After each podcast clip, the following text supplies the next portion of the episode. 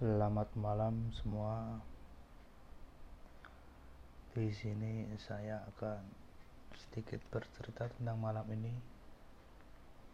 Saya tadi habis jalan-jalan dengan teman-teman menyusuri kota Semarang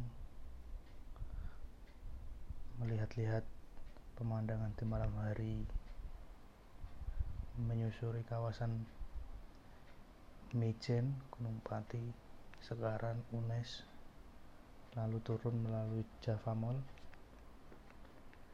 Setelah itu lewat jalan Lamper menuju jalan Majapahit dan sampailah di titik kumpul pertama yaitu Pak Bre. Di sepanjang perjalanan saya mengendarai motor seperti warlock. Mungkin sekian cerita dari saya. Selamat malam semuanya